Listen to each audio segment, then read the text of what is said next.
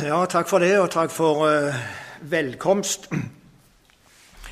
Uh, som du nevnte, så uh, har jo jeg fått ære av å både starte og slutte når det gjelder disse bibeltimene knytta til hebreerbrevet. Om det skal tolkes som at en ville sikre seg en skikkelig begynnelse og avslutning, eller om en ville sikre seg at det var en skikkelig kjerne i dette, her, det skal være usagt. Det er vel mer tilfeldig, går jeg ut ifra. Eh, og så eh, skapte du jo litt, eh, eller de som setter opp temaformuleringene, litt eh, forvirring i meg eh, med dette temaet. Se, jeg har jo omformulert det til nynorsk, jeg da, naturlig nok. Se hvor stor han er. For når jeg tenkte på dette, så tenkte jeg hvor i all verden står det i kapittel 1 eller 2? Og jeg les først én gang og fant det ikke. Les en gang til og fant ikke. Fant meg en bokmålsbibel å lese for å se om det kanskje kunne stå på bokmål. Eh, til slutten så sa jeg til kona du får google dette her, du. Eller jeg sa henne hvor det sto. Så sier hun vi kan jo google det, og så kom hun jo naturligvis opp med 7-4. Eh, så vi fant ut av det, altså. Eh, men eh, jeg tenkte jo at temaet var fra disse versene her. For den siste timen jeg skal ha, det heter jo 'Ved tru', og det temaet står ca. 20 ganger i det kapittel 11 som jeg da skal tale om. Men temaet er uansett et godt tema, det. Se hvor stor han er. Eh, og det som Jan nevnte, tatt fra kapittel 7, vers 4 der det særlig er talt om eh, Jesus som, som prest etter Melkisedeks vis.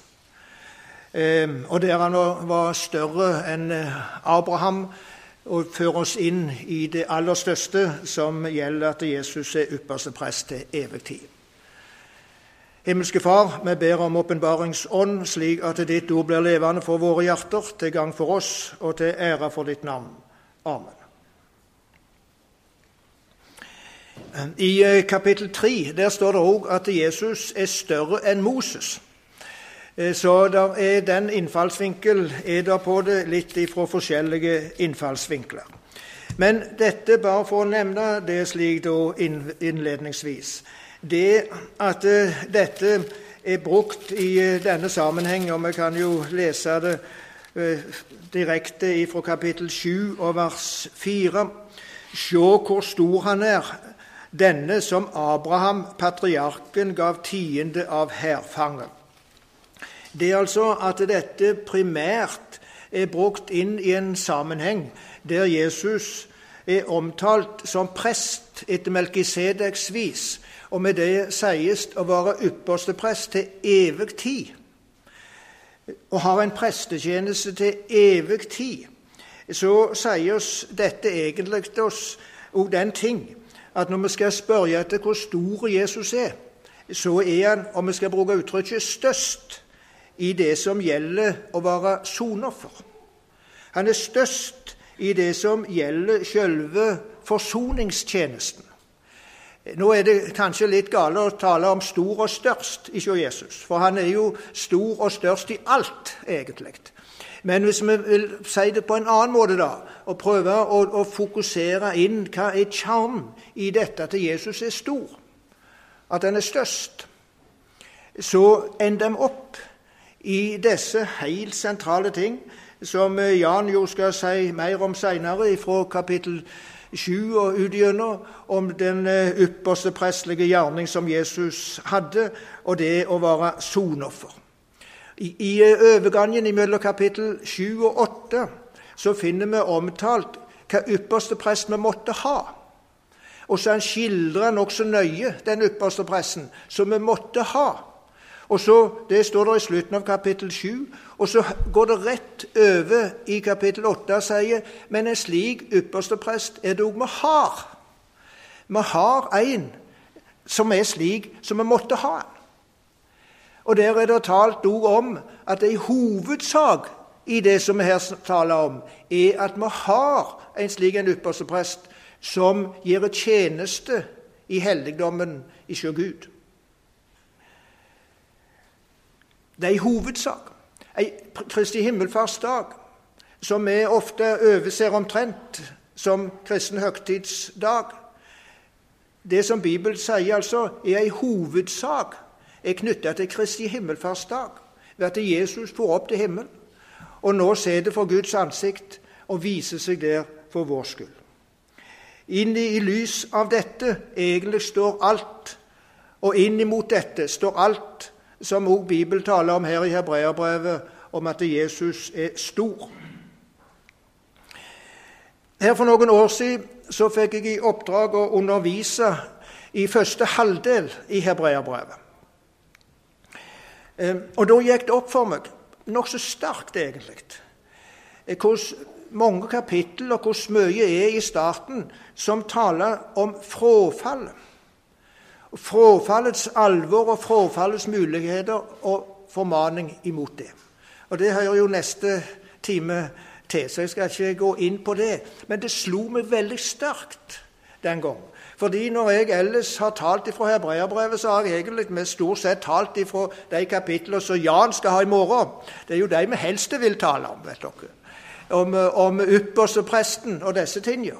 Og ikke om forfall og frafall og formaningene for å ikke bli liggende igjen på veien. Og Så står alt òg i sammenheng med dette. Jesus er stor. Og Dette brevet det starta da med å fokusere på Jesu person og på Jesu posisjon, på Jesu plassering, nettopp med den hensikt at vi ikke skal bli, bli liggende igjen på veien, men nå fram ut ifra den forsoningstjeneste som han har utført. Hebreerbrevet er, som dere alle vet, et sterkt Kristusorientert brev ut ifra Det gamle testamentet. Det er dette brevet som på en særskilt måte holder sammen Kristus i Det gamle testamentet og Kristus i Det nye testamentet.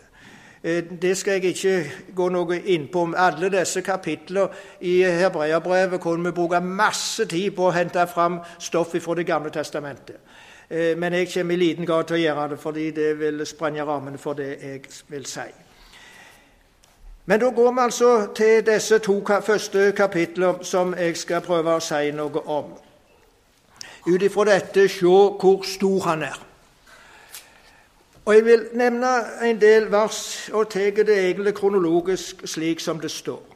Det første som jeg vil si, det er dette Se hvor stor Jesus er som åpenbarer av Gud.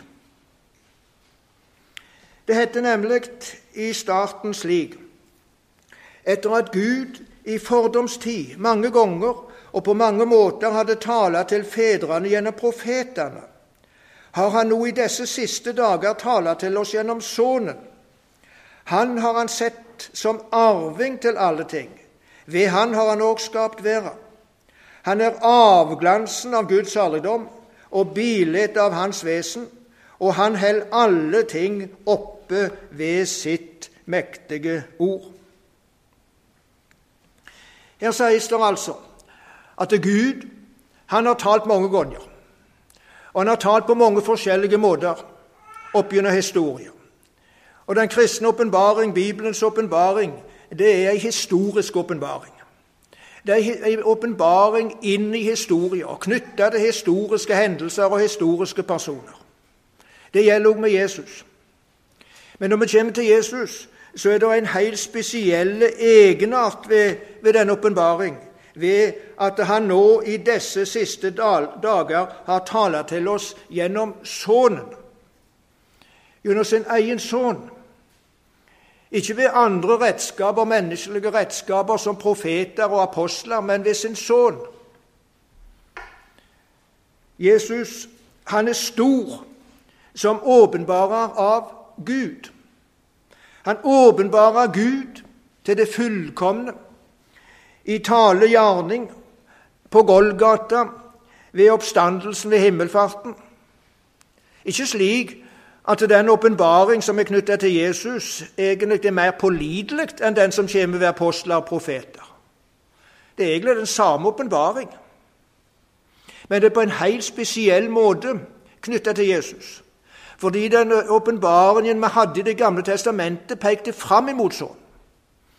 Og det øvrige som skjer i Det nye testamentet, peker tilbake på å forklare det som skjedde ved sånn. Jesus er stor som åpenbarer av Gud. Gud har talt gjennom ham. Han har talt ved sin sønn, eller gjennom sin sønn. Jesus er omtalt som avglansen av Guds herligdom. Han er omtalt som bildet av hans vesen. Han er omtalt som den som ber alt med sitt mektige ord. I eh, første Korinterbrev, kapittel 1, er det mot slutten av det kapittelet en nærmest som en oppsummering eh, om alt det som har med kristendom å gjøre. For der heter det slik i vers 30, kapittel 1 i første Korinterbrev og vers 30 og 31. For det er hans sak, altså Guds sak, at det er i Kristus Jesus han som for oss har vorte Altså, det er en Guds sak, en Guds gjerning, der Gud, der vi har vorte noe. Det er Hans verk at det er i Kristus. Og den sak som er i Kristus, det er knytta til at Jesus han har vorte, blitt noe. Og så er det nevnt fire ting. Han har blitt visdom ifra Gud, rettferd, helging og utløsing. Så at, som skrevet står, den som roser seg, han roser seg i Herren. Det første som står av, om det som Gud, som Jesus har blitt for oss, det er at han har blitt visdom fra Gud. Det danner egentlig utgangspunktet for alt annet. For i det så åpenbarer han Gud og gjør at vi kan lære Gud rett å kjenne. Og Jeg bruker litt tid på akkurat dette første punktet her. Jeg har sju punkt. Ikke alle skal jeg tale like lenge om, forstår dere, som dette første, men kanskje jeg overrasker litt med å tale så lenge om dette første punktet. Fordi dette synes jeg er avgjørende viktig. Denne åpenbaring om Gud som er ved Jesu person. Og Der vi kanskje møter dette aller tydeligst, det er i det vi kaller prologen til Johannesevangeliet.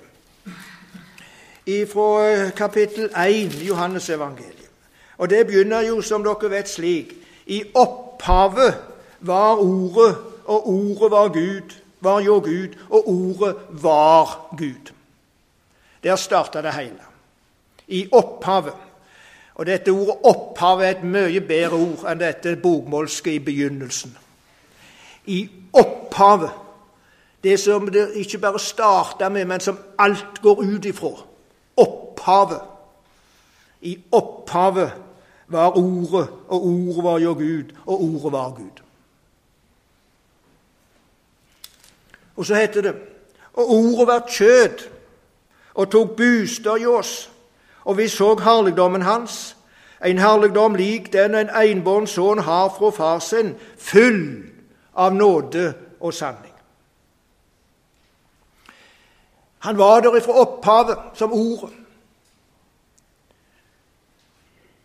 Og så får vi noen glimt av han gjennom Det gamle testamentet, dette ordet som blir åpenbart ved profetene.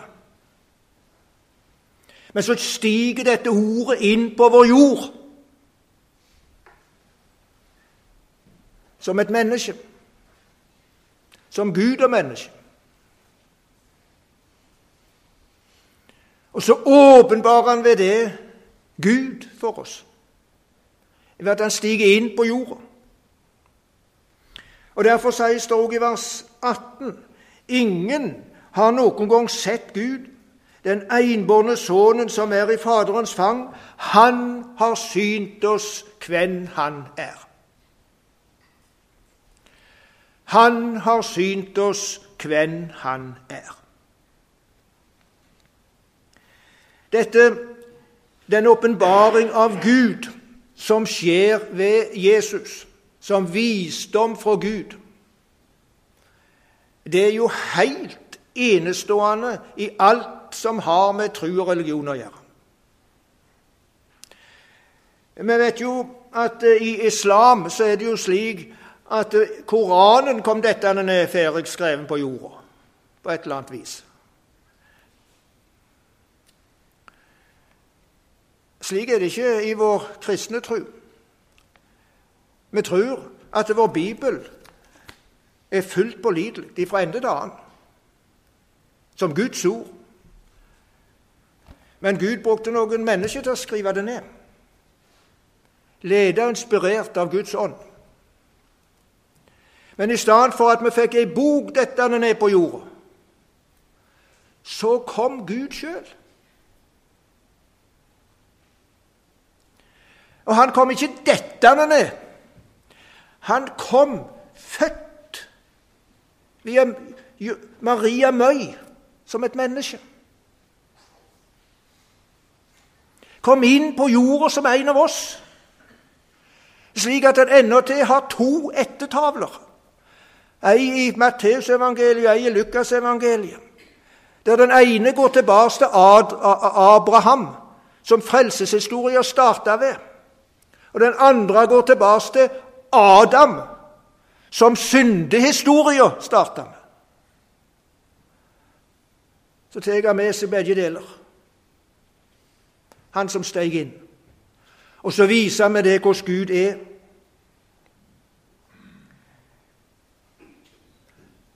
Jeg har lest en gang en setning som definerer hva Guds nåde er. Fordi jeg, og Dette sier jeg ofte. Noen av dere har helt sikkert sett meg vise denne bevegelsen og hørt det jeg nå sier. Eh, men hvis jeg spør dere hva nåde betyr, så vil dere svare gratis, ufortjent og den type begreper. Og det er helt rett. Men det er gratis og ufortjent fordi det er vunnet oss av Jesus. Jeg leser en gang at selve begrepet nåde, hvis det skal uttrykkes ved en setning, så betyr det at den større bøyer seg med vennlighet og velvilje mot den ringere. Det er nåde. Den evige, hellige, allmektige Gud bøyer seg med vennlighet og velvilje mot synderen. Den evige, hellige Gud, han bøyer seg i Kristus ned til synderen. Ved at Jesus, hans sønn, kommer til vår jord, og han bøyer seg så djupt at han kommer helt ned under all synd og tar den med seg på sitt legeme opp på korset og soner. Og med det så åpenbarer han Gud. Jesus er stor når han viser hvem Gud er.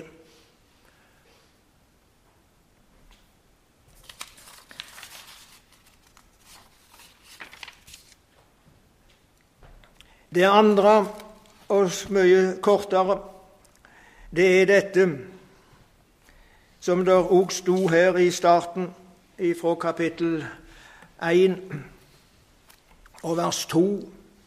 Der heter det slik om Jesus eller Gud Han har han sett som arving til alle ting. Ved han har han òg skapt verden. Jesus er den som alt er skapt ved.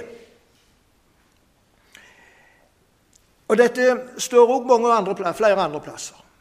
I Kolosserbrev 1, 16 og 17 heter det at alt er skapt ved Kristus og til Kristus. Det er skapt for å tilhøre ham. Se hvor stor han er. Se hvor stor han er i skapelsen ved at alt er skapt, ikke bare ved Han, men også til Han.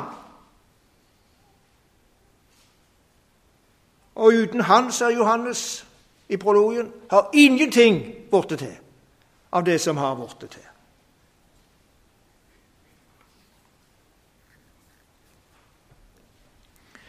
Og han ber alt ved sitt mektige ord. Alt står ved lag ved Han.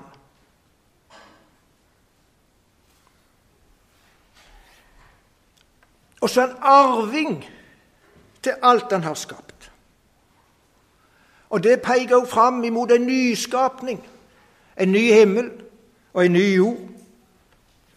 Og så heter det midt oppi det hele i kapittel 1 og vers 12, der det er talt om at skaperverket skal rulles sammen. Men, står det, du er den samme, og dine år tek aldri slutt.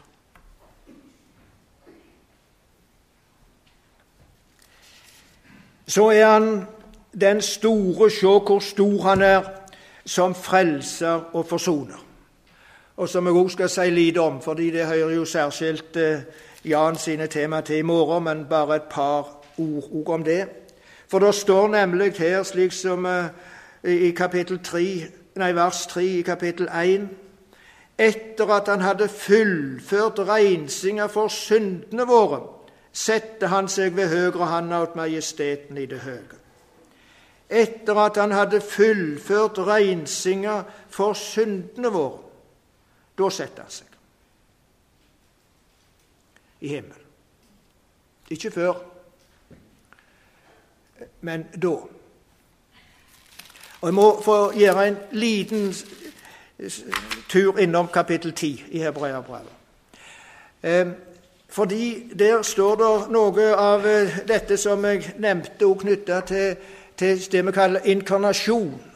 At Jesus, eh, ordet, ble kjød og tok bostad i oss, eller iblant oss. For der heter det slik i vers 5, som egentlig er at det er Jesus som taler, Messias som taler ut ifra Salme 40. Og så står det Derfor sier han når han stiger inn i været Offer og gave ville du ikke ha, men en lekam lager du til meg.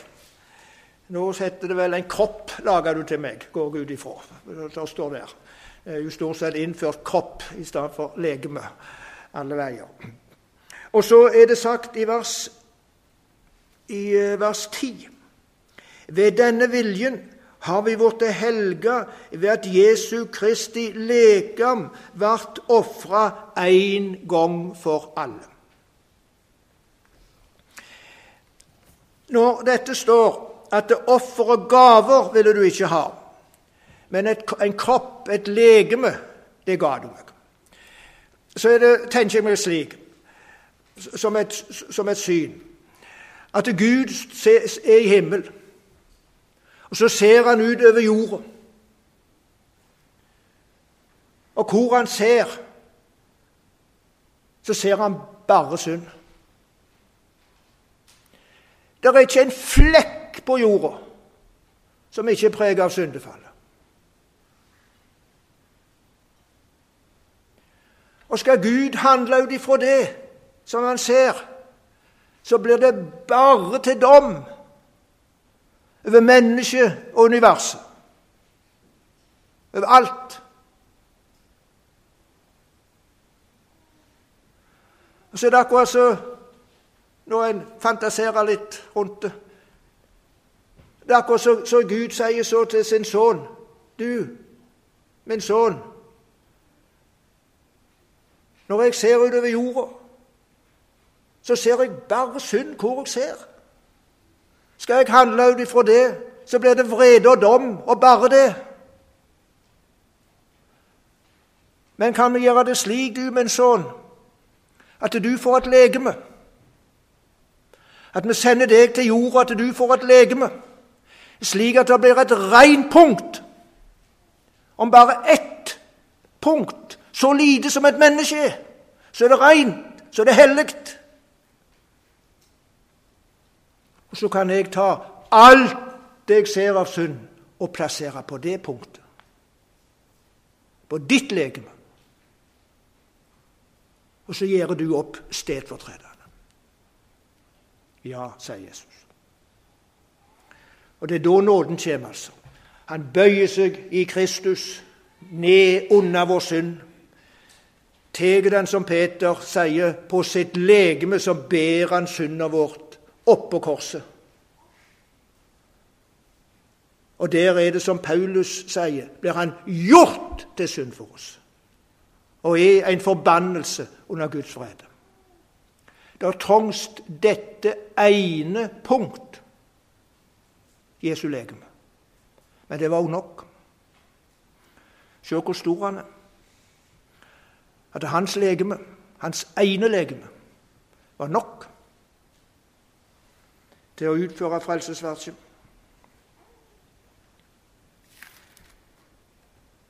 Når han så hadde gjort dette, så setter han seg ved høyre handa åt majesteten i det høye. Og se hvor stor han er der ved Guds høyre hånd. Der gjør han jo flere ting. Der viser han seg for Guds ansikt for vår skyld, som det heter i, i kapittel 9 og vers 24. Men nå vil jeg peke på annen, et annet element ved dette. For i Bibelen er det jo slik at Guds høyre hånd, eller Guds høyre side, majestetens høyre side, på en særskilt måte står for Guds allmakt. Det er på allmaktsplassen Jesus setter seg. Han setter seg ikke i, i ei kro inne i himmelen. Finner seg ikke en avgjemte plass og lurer seg litt vekk for nå å slappe av. Men han setter seg der som Gud kan se han godt, Faderen kan se han godt, og der han kan utøve all Guds allmakt. Han inntar allmaktsplassen. Nå var det jo slik fra ei side sett at Jesus alltid hadde hatt den plassen. Fordi han var der som den det ble skapt ved, og han var der som den som alt telles oppe ved, som styrer med. Og Samtidig så var det noe nytt som hadde skjedd nå, når han inntok denne plassen etter han hadde vært på jorda og gjort rensing for syndene våre. For før var det slik at han kunne bruke sin allmakt til å skape, til å styre og til å dømme. Nå kan han bruke sin allmakt i frelsens tjeneste. For nå har han gjort rensing for syndene når han setter seg på denne plassen.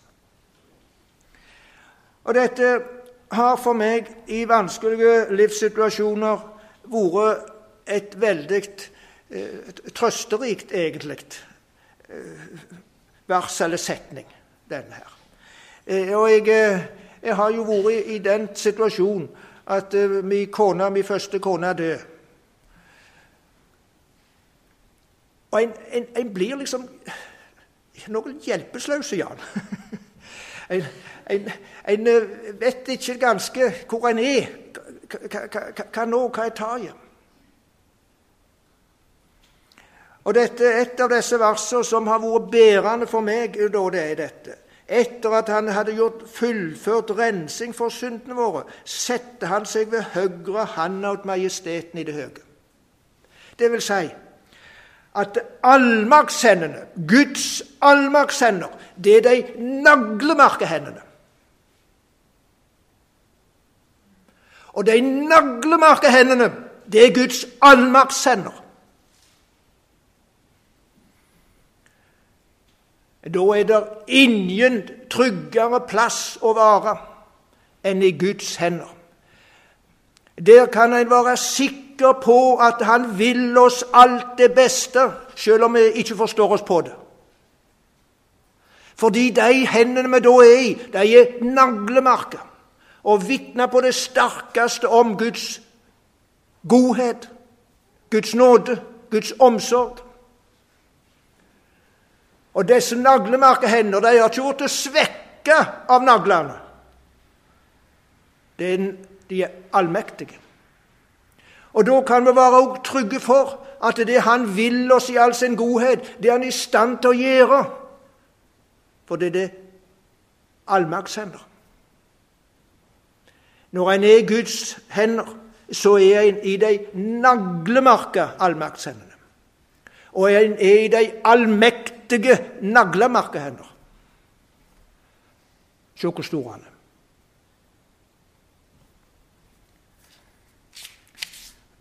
Og så er han stor i forhold til englene. Og det er det neste som står her.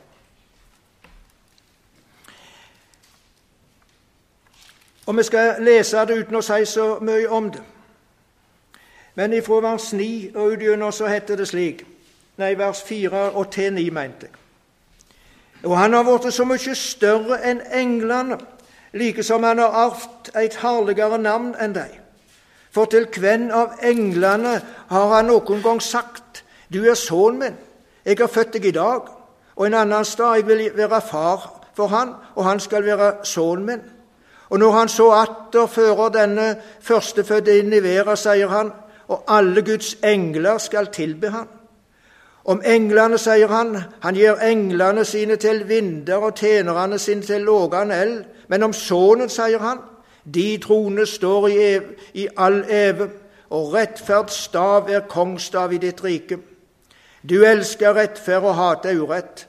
De for Gud har din Gud salva deg med gledesolje framfor brødrene dine. Og vers 13 og 14. For til hvem av englene har han noen gang sagt:" Sett deg ved min høyre hand, til jeg får lagt fiendene dine til skammel for føttene dine. Er det ikke alle tjenende ånder som blir sendt ut i tjeneste for de som skal arve frelser? Bare en liten bemerkning knyttet til englene. Det står veldig mye mer i Bibelen om engler enn det vi vanligvis er klar over, tror jeg. Og de har en langt sterkere og viktigere funksjon enn det vi er klar over.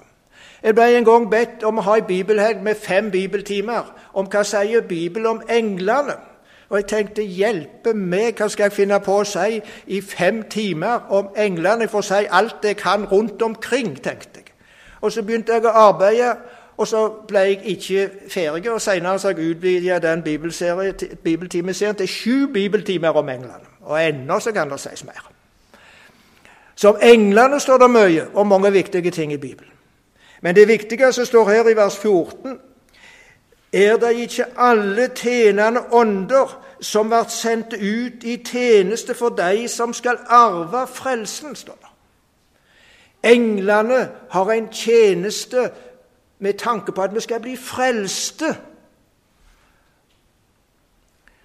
Og så avslutta de sin tjeneste for den enkelte av oss med det som skjedde med, den, eh, med Lasarus i fortellingen om han og den rike mann.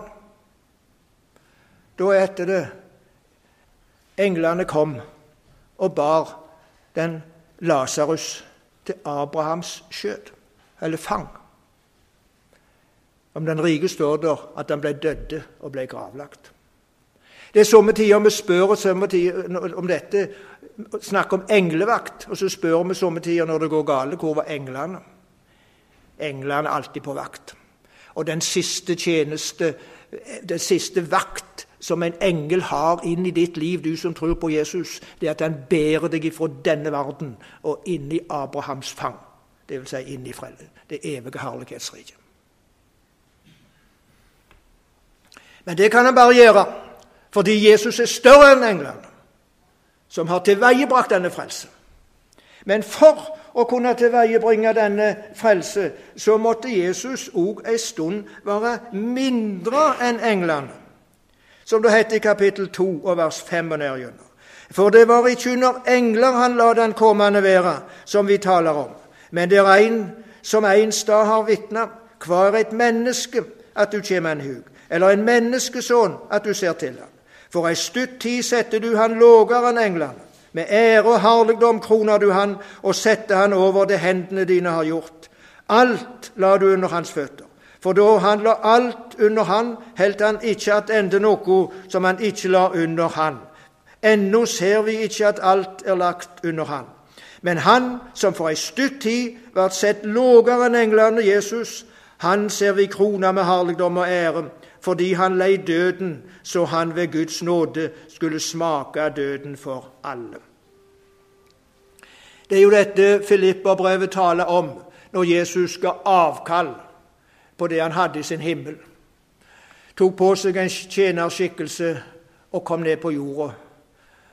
Altså dette at han tok imot dette å få et legeme. For at han skulle kunne gjøre det som her står, at han skulle kunne li døden og smake døden. Dette står i en sammenheng der det fortsettes med å tale om Jesus som frelseshovding. Og er han stor i forhold til englene, så ser vi et voldsomt syn av Jesus som frelseshovding. Og For at han skulle altså kunne bli denne frelsesovnen, så ble han i kort tid gjort lavere enn englene. Og Da heter det i vers, i vers 9 og 10 Jeg leser opp igjen vers 9. Men han som for ei stutt tid blir sett lavere enn englene Jesus, han ser vi krona med herligdom og ære fordi han lei døden, så han ved Guds nåde skulle smake døden for alle. Da han førte mange barn til herligdom, sømde det seg for han, som alt er til for, og alt er til ved, å fullende frelseshovdingen deres gjennom lidinger. Det står noe tidligere i dette kapitlet i begynnelsen av dette kapittel 2 òg om hvordan Gud har vist Jesus fram. Og Det står i vers 4 og Gud sjøl vitna med både, både, gjennom teiken og under og mange slag kraftige gjerninger og ved gi den hellige ande og, og ved å Den ande etter sin vilje. Så han viste Jesus fram i, på ett vis i herlighet. Noen glimt av Jesu herlighet ved det som skjer ved tegn og under og kraftige gjerninger, og det som er knytta til Den hellige ånds gjerning. Men på tross av det, eller midt oppi det, så måtte Jesus bli fullendt som frelseshovding gjennom lidelse. Ikke gjennom makt, men gjennom lidelse.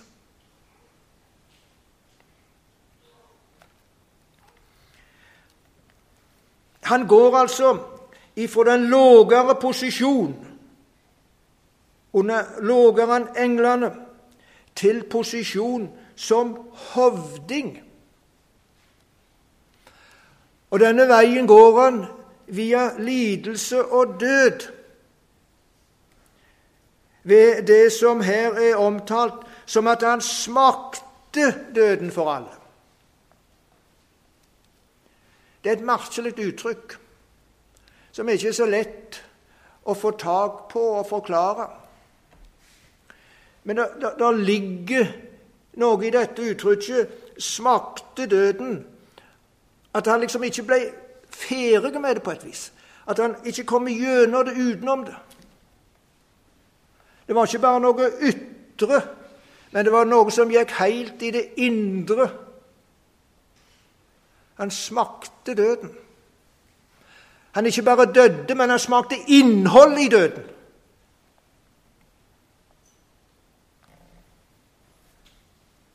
Og ved det så ble han gjort til frelseshovding.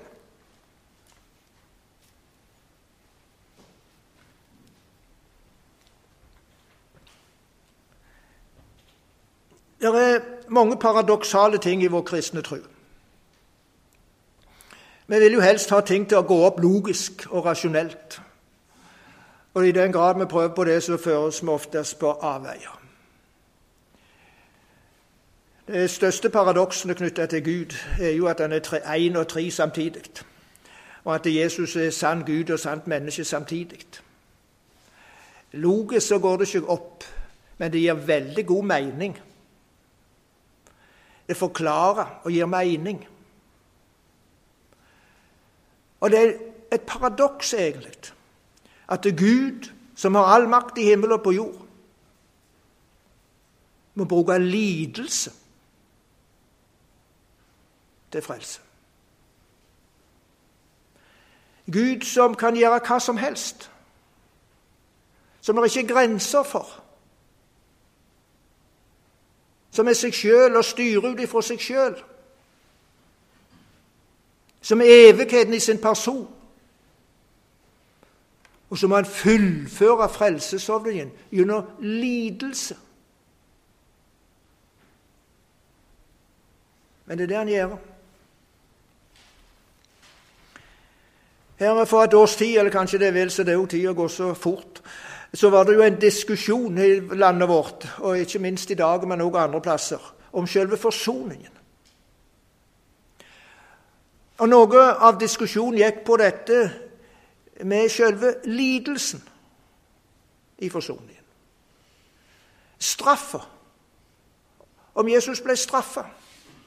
Om det var vrede.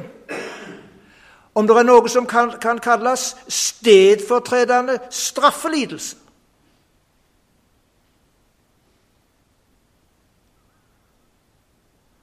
Så ble det sagt at den type tale er der ikke i Bibelen. Og dette med offer. Nå er det jo åpenbart at det er det, ikke minst i Isaias 53. Men her heter det faktisk at Jesus ble fullenda som frelseshovding gjennom lidelse. Og det var gjennom den stedfortredende straffelidelse. Han ble fullenda. Frelsen er altså dyrt kjøpt. Vi bruker jo somme tider å sitere Luther på, på, dette spørsmålet når Luther sporer, eller sier dette når du skal lytte etter i forkynnelsen og ellers om det evangeliet som blir forkynt, så skal du lytte etter to ting, sa han. Eh, det første sa han på norsk. Det, da sa han at du skal lytte etter om det blir sagt at dette er for oss. Og det andre sa han på tysk, som jeg forstår også på norsk. Han skal, du, sa du skal lytte etter 'de køste', som jeg forstår betyr kostnad. At det koster noe. Det var for oss, og det koster noe. Han ble fullendt som frelseshovding for oss gjennom lidelse.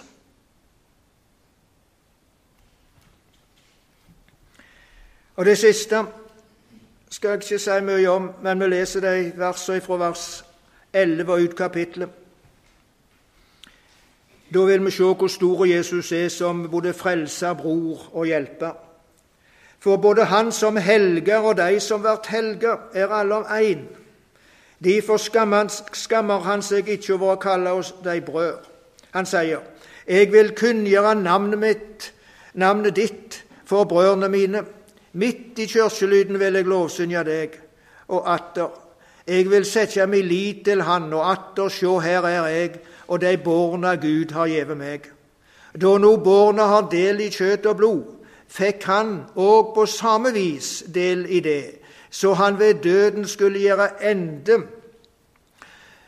på, gjøre ende på han som hadde dødens velde, der djevelen, og utfri alle de som i redsle for døden var i trelldom hele sitt liv. For det er ikke engler han tar seg av, men Abrahams ett tar han seg av. Derfor måtte han verte brødrene sine lik i alle ting så han kunne verte en miskunnsom og trufast øversteprest for Gud til å sone syndene åt folket.